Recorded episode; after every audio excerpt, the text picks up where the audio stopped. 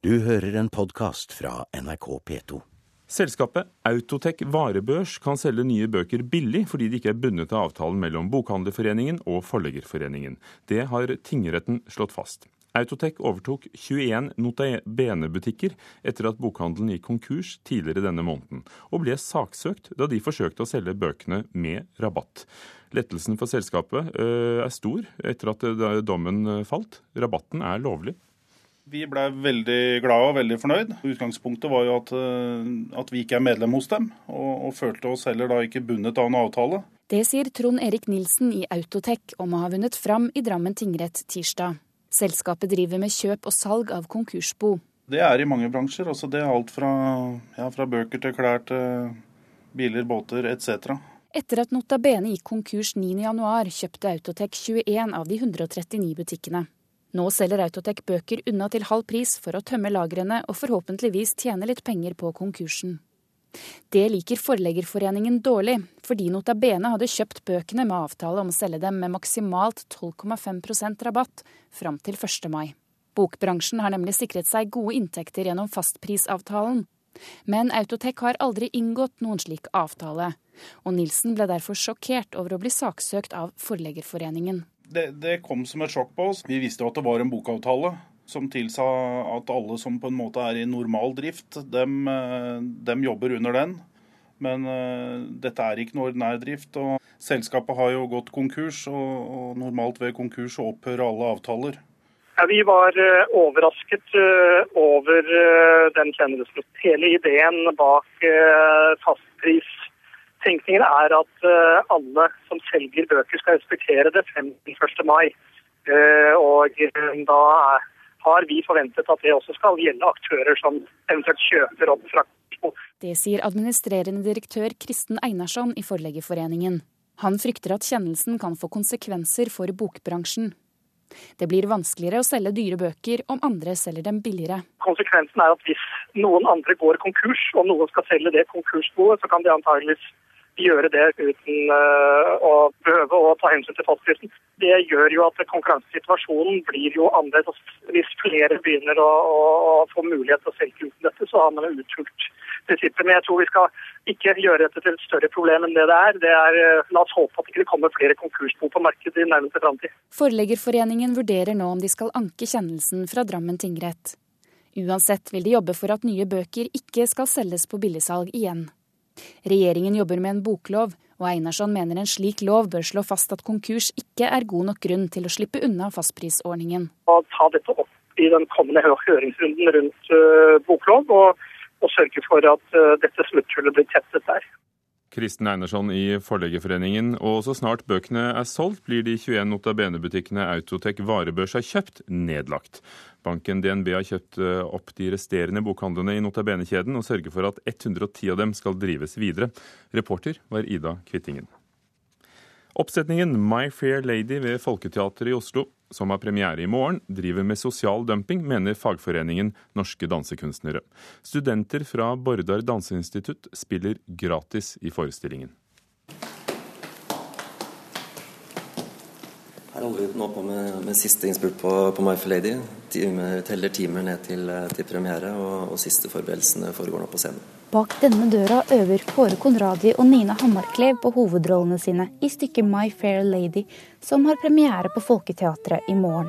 Minst halvparten av de som står sammen med dem på scenen, får ikke lønn for å stå der. De er nemlig tredjeårsstudenter fra Bårdarakademiet, og får bare en kompensasjon til klassekassen for å være med. Nei, Det er et uh, problem vi har sett før, og som vi er uh, veldig uh, motstandere av. Sier Peder Horgen, leder i fagforeningen Norske Dansekunstnere, som er svært kritiske til bruken av studenter i oppsetningen. De mener det er feil at elevene skal stå på scenen uten å få ordentlig betalt. Altså, Vi representerer jo en masse profesjonelle frilansere som kjemper for å overleve i en bransje med veldig få jobber. Og det Sene Kvelder gjør her, er å bedrive sosial dumping som, eh, som Bårdar er med på, og det undergraver arbeidsmarkedet. Det bidrar jo til eh, holdninger eh, som er veldig usunne for, for arbeidsmarkedet, og som, og som, er med på å skvise prisene, lønningene. Fordi det etablerer seg holdninger i visse produsentmiljøer om at dansere kan man nok skaffe seg billig. Horgen mener også at elevene fyller roller som burde gått til profesjonelle. Sagt, vi har så stort ensemble, sånn at uh, det ville ikke vært noe problem å løse uansett. Sier Espen Seim Parman, daglig leder i Scenekvelder, som produserer My Fair Lady. Han avviser at elevene har roller som kunne gått til profesjonelle frilansere og forteller at forestillingen også kunne fungert uten studentene som er med i oppsetningen som en del av sin praksis ved Bårdarakademiet. Den ville jo sånn sett vært litt eh, opplevd annerledes. Uh, jeg tror ikke folk ville nødvendigvis merke så stor forskjell, eh, fordi de ikke hadde visst hva de eventuelt gikk glipp av. med Bårdar så hever vi forestillingen enda noen hakk, og gjør en enda større opplevelse, rett og slett. Heller ikke rektor ved Bårdarakademiet, Hilde Haugan, forstår kritikken. Egentlig ikke. Jeg gjør ikke det. fordi at så lenge, Hvis de hadde tatt arbeidsplassene, så hadde jeg forstått det. Og der er jeg veldig tydelig på at det skal vi ikke. Jeg vil ikke undergrave de som vi faktisk utdanner til. Det er jo vi som utdanner til det arbeidsmarkedet. Men det er nettopp dette fagforeningen mener de gjør. Her gjør skolen eh, studentene sine en bjørnetjeneste, for når, eh, når de er ferdig, så eh, opplever de at Nye studentkull står alltid klare til å oversvømme markedet som gratis eller billig arbeidskraft. Her Er mitt litt. Her Er mitt litt? Fra prøvene på My Fair Lady, og til slutt hørte vi Peder Horgen, leder i Norske dansekunstnere. Reportere var Elisabeth Tøtte Hansen og Ina Charlotte Fjellhøy, som vi hørte i reportasjen. Og tidligere elev ved Bordar danseinstitutt, og nå daglig leder i interesseorganisasjonen Musikkteaterforum, Linda Stol Striksve, støtter fagforeningen i at elever som danser gratis, ødelegger for andre. Altså, I Oslo så er jo de de jobbene som er mulig å få, stort sett. Altså med, med unntak, altså. Men, med, men, stort sett så er det det. det er det. Så de tar jo opp eh, en del av de eh, jobbene, da.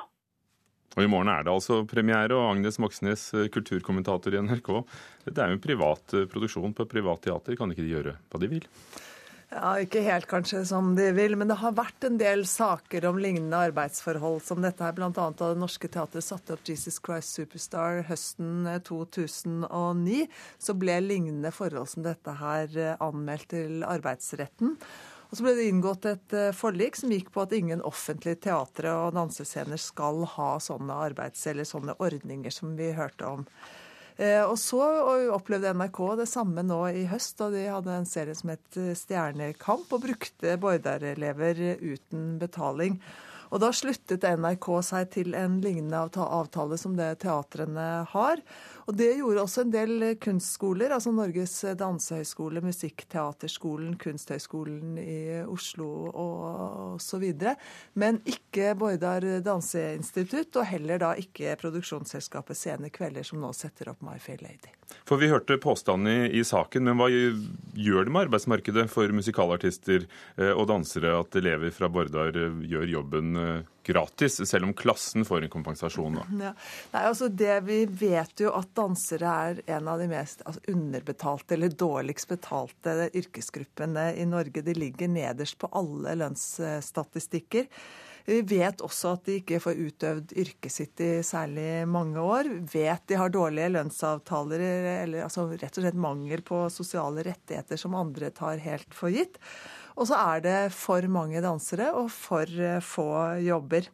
Så det sier seg jo selv at når nesten, eller kanskje mer enn halvparten av danserne på en storoppsetning som My Fair Lady hentes inn fra Bordar danseinstitutt, altså av studenter, så tar det arbeidsplasser og inntekter fra andre dansere. Men nå sier jo produsenten at de ville spilt forestillingen eh, også uten studentene. Eh, de bare bidrar til en rikere forestilling. Kunne de ikke spilt den da med halvparten på scenen? Ja, det kunne kanskje det. Man får jo et inntrykk her når, eh, når eh, Espen Sein Parman fra Sene Kvelder eh, uttaler seg i den innslaget i forkant av at det kunne spilt for jeg tror det er 17 eh, mennesker på scenen han nevner.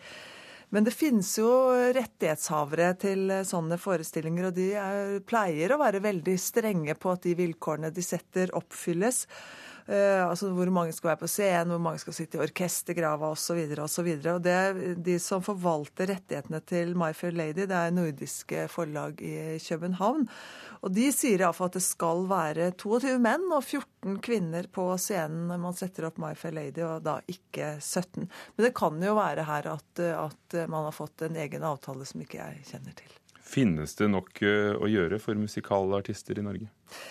Nei, det gjør ikke det. Og det som er så fortvilet i denne eh, historien her, og lignende historie, det er jo at de studentene syns jo det er helt fantastisk å få de jobbene på eh, teatret og få lov til å spille og synge sammen med profesjonelle. Eh, men det som er Og det skulle jo heller ikke være noe problem å legge forholdene til rette for at, sånn at man fikk ordentlige studentplasser. Eh, samtidig så bør jo både Bordar og Sene Kvelder slutte seg til de avtalene som andre har gjort, for å ordne arbeidsforholdene for dansere, for det fortjener danserne, syns jeg. Syntes Agnes Moxnes, kulturkommentator her i NRK, nå en annen artist. Nettbutikken Amazons e-boksalg økte med 70% i fjor. Amazon er verdens største nettbutikk, og økte den totale omsetningen med nesten 30% i fjor. Professor i medievitenskap ved Universitetet i Oslo, Tore Slåtta, sier til Klassekampen at utviklingen er urovekkende. Han mener Amazon er i ferd med å bli en monopolist som kontrollerer både innhold og maskinvare, ved at bøkene bare kan leses på selskapets egne lesebrett og programvare. Toppen av Sykeveien. Fy faen. Du sa ikke hvilket nummer. Hvordan fant du fram? Jeg spurte bare hvor Barnum Nilsen bodde. Kom igjen. Hei, hei. hei. Peder Mil. Er det med én eller to i-er? To. Peder. Poletta. Peder. Fra Halvbroren sist søndag, NRKs eh, TV-drama. De tre gjenværende episoden, episodene av Halvbroren skal nå remikses, slik at lyden skal bli lettere å høre. Vi hører på publikum og gir dem rett til å definere hva som er god eller dårlig lyd, sier prosjektsjefen i NRKs eksternredaksjon til VG i dag. Tidligere denne uken eh, svarte seriens regissør på kritikk av utydelig lyd med at det var folks TV-apparater som var for gamle. Men nå skal altså dialogen bli mer fremtredende når lyden mikses. Denne uken er det premiere på Hansel og Gretel, Witch Hunters, på norske kinoer. Tommy Wirkola, kjent for Kill Buljo og Død snø, har debutert i Hollywood som regissør med denne historien om Hans og Grete fra eventyret som denne gangen jakter på hekser. Før vår kritiker får sagt sitt, skal vi høre hva folk selv syntes etter førpremieren i Wirkolas hjembygd Alta. Tre fulle saler og applaus for Tommy Wirkolas Hollywood-debut. Hva syns du om filmen? Nei, utrolig morsomt. Altså, Tommy Wirkola han uh, har taken på uh, humor, og man kjenner igjen mange scener fra både Kill Buljo, men kanskje spesielt Død snø. Og uh, denne våpengalskapen hans med, kombinert med lyd og Nei, helt fantastisk. jeg er veldig fornøyd. Ja, så ble jeg ikke skuffa, for å si det sånn. Hva var bra? Det er jo gjennomsyra Tommy Wirkola-humor, da. Det liker vi. Hva er Tommy Wirkola-humor? Ja, det er Hva skal jeg si? Det er alle de småtingene som mye, mye blod, kanskje. Litt sånn uh, på kanten av hva du syns er ekkelt og hva du syns er morsomt. Og jeg må bare si, jeg så en samisk dukke hengende, og det syns jeg var så utrolig kult. Og det, Man merker veldig at det, det er jo ikke en, det er ikke en amerikansk film, for å si det sånn. Det er jo veldig mange nordiske skuespillere med også. Det, det flirte vi mye av veldig bra. Det er action fra ende til annen. Og når det først begynner, så slutter det ikke. Litt kort, kanskje. Jeg syns den var bra. Det var masse gode effekter. og det var, 3D var litt spesielt. Du følte at pilene kom imot deg. Og Underholdning, eventyr, yes. Awesome. Skikkelig kul. Terningkast? Ja, fem. Og minst være seks. Helt sikkert seks. Fem. Jeg er inhabil, så jeg sier terningkast på seks. Er det noen som ikke er inhabile her i dag? Nei, det vil jeg ikke tro. Nei, det, vi er så utrolig stolte. Og jeg, jeg, jeg, skulle ønske at norske medier tok mer eh, to, to, Altså, jeg vet ikke, men man blir vel kanskje ikke helt i eget land, er ikke det man sier? Og reporter i Alta var Gyda Katrine Hesla. 32-åringen fra Alta, Tommy Wirkola, har fått et stort publikum. Større enn mange andre norske regissører de siste årene. Hansel og Gretel Witch Hunters vil trekke enda flere til kinoene, spesielt i utlandet. Og det dreier seg om å underholde med smakløsheter, sier vår anmelder. Men han er også imponert. Her er Einar Gullvåg Staalesen. Tommy Wirkola fra Alta har skapt en mørketidsfantasi over eventyret Hans og Grete. Det er dunklere enn det bruker å være i kinosalen. Filmen er brun og svart for det meste, og lite belyst. Og den er i 3D. Illusjonene av dybde i bildet og effekter langt ut i kinosalen brukes flittig. Jeg synes jeg får en pil mellom øynene. andre overfalles av eklere illusjoner.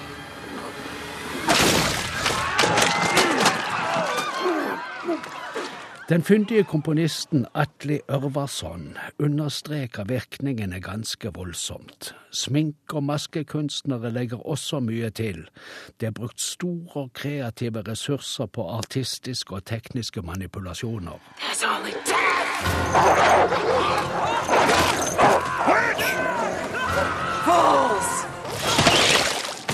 Det er for mye av alt, og det er poenget. Det er et voldsomt trøkk. Det heter seg at dette er Tommy Wirkolas debut for Hollywood. Filmen er mer preget av å være et tilskudd til en internasjonal sjanger av smakløshet, som stadig får et større publikum hvor som helst. Det smakløse er også et sentralt poeng. Filmuniverset er satt sammen av hauger av uestetiske element. Norge har eksportert mer smakløs film de siste årene enn det gode borgerskap vet om. Eventyr om Hans og Grete foregår fortsatt i skogene rundt Augsburg. Det er mye tysk medvirkning foran og bak, før og etter her. Det er norske skuespillere med. Bjørn Sundquist, Ingrid Bolsø Berdal, Stig Frode Henriksen, Christian Rubek, Jeppe Larsen. Vi ser flere nordiske navn på listene. De norske har ikke store rollene, men de hygger seg med djevelskapen. Det dreier seg om det gode mot det onde, med nyanser i begge ender. Det er ikke mye som er konsekvent godt i Eventyrskogen, men hovedsaken er at man vil redde kidnappede barn fra heksenes huler. Og på den onde siden er det et monster av et troll som er godhjertet. Edvard heter han. Eventyret er ikke for barn. Det er ikke for riktig voksne heller, men det er for Virkolas menighet, og for folk som finner det underholdende med stor effekt og uvirkelig vold. Filmen er for sjangerfriker. Det er ikke veldig mye spletter i den. Kameraet går ikke tett på sårene, men mange får blod på seg, og de teppebombes av kroppsdetaljer, både foran og bak i bildene. Først brenner Hans og Grete sin mor, som er heks. One, never walk into a house made of candy. And two, if you're gonna kill a witch, set her ass on fire. Når de blir store, jakter de mer systematisk på hekser og troll. De tar seg betalt for jakten. De er godt bevæpnet. Vi ser dem blant annet med automatarmbrøster. Det er rennebuer med magasin som skyter store serier av piler på få sekunder. Du får se selv hvordan det er, eller du kan la det være. Ikke gå på kino uten å vite hva du utsetter deg for. Einar Gullvåg Staalesen om Hansel og Gretel Witch Hunters. Og så er det en norsk film som har premiere denne helgen. En som deg heter den, og han anmelder den. Og andre nye filmer i Mørkets opplevelser klokken 19 torsdager i P2. I kveld åpner Norges første barokkfestival. Det skjer i Trondheim. Ute i Europa er det mange festivaler for tidlig musikk, og årsaken til at ikke vi har hatt det i Norge, skyldes mangler i utdannelsen, mener en musikkprofessor.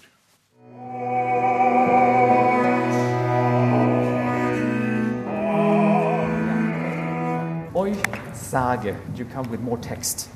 So, oi, sage ich allen. For de, de ligger rundt omkring, så du må liksom virkelig komme ut. I Metodistkirka øver Trondheim barokk til kveldens åpningskonsert.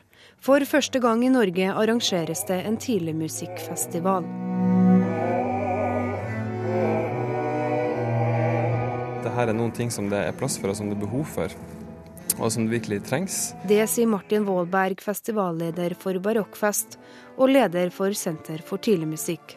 I Europa blir det arrangert mange festivaler for tidligmusikk, men i Norge har det vært en mangelvare. At det kommer til Norge nå er vel egentlig bare fordi at det presser seg, det presser seg frem. Den klassiske musikken utvikler seg sånn at, at det som skjer gjennom tidligmusikk påvirker mer og mer hele det klassiske feltet, og da er det nødvendig hvis Norge ikke skal henge etter, at det også skjer her. Årsaken til at det ikke finnes mange arenaer for tidligmusikk, skyldes manglende utdanningstilbud. Det tror Randi Margrethe Selvik, professor ved Institutt for musikk ved NTNU. Det kan jo kanskje ha noe, noen sammenheng med at utdanningstilbudet er eh, relativt begrenset i Norge. Altså, dette er jo en spesialisering. For de store institusjonene i utlandet så har man flere steder en egen linje for eh, tidlig musikk. I Norge så har tilbudet vært mye mer begrenset. Det er lite grann i Bergen, det er vel også noe tilbud på Musikkhøgskolen i Oslo, men virkelig et stort miljø for dette finnes ikke. Derfor vil det tjene norsk musikkliv å etablere et fullverdig utdanningstilbud, mener musikkprofessoren. Ja, jeg tror nok at det hadde vært eh, fint for norsk musikkliv. Om det kunne vært et fullverdig eh, utdanningstilbud innenfor tidlig musikk. I, eh, i Europa så det er en så stor og selvfølgelig del av uh, musikkutdanning overalt at det vil snart bli en selvfølge at det er sånn i Norge òg. Det tror festivalleder Vålberg.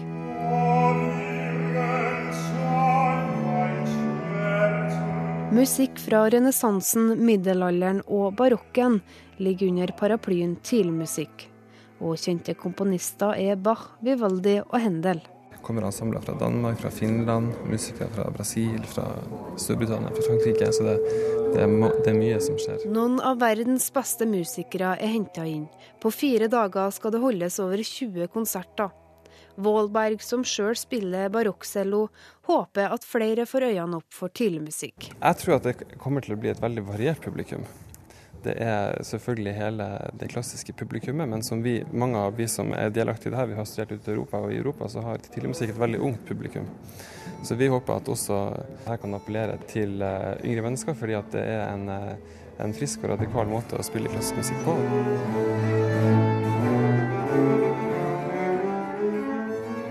Og festivalen Barokkfest åpner i kveld med konsert i Nidarosdomen i Trondheim, og reporter var Kaja Kristin Næss.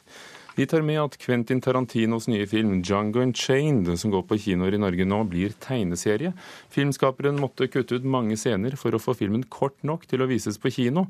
Og for å få fortalt hele historien skal manuskriptet utgis som en seksbinds tegneserieroman, skriver britiske The Telegraph. Første bind er allerede ute, det neste kommer 19. I Kulturnytt i dag har vi hørt at et selskap som kjøpte 21 konkursrammede bokhandler, kan selge nye bøker med halv pris, slår eh, domstolen fast. Forleggerforeningen frykter for faste bokpriser. Og en norsk utgave av det tradisjonsrike litterære magasinet Granta lanseres i dag. Redaktøren og en av de norske forfatterne som har skrevet tekster om kollaps, som er det nye temaet, kommer til Kulturnytt i ettermiddag 16.30.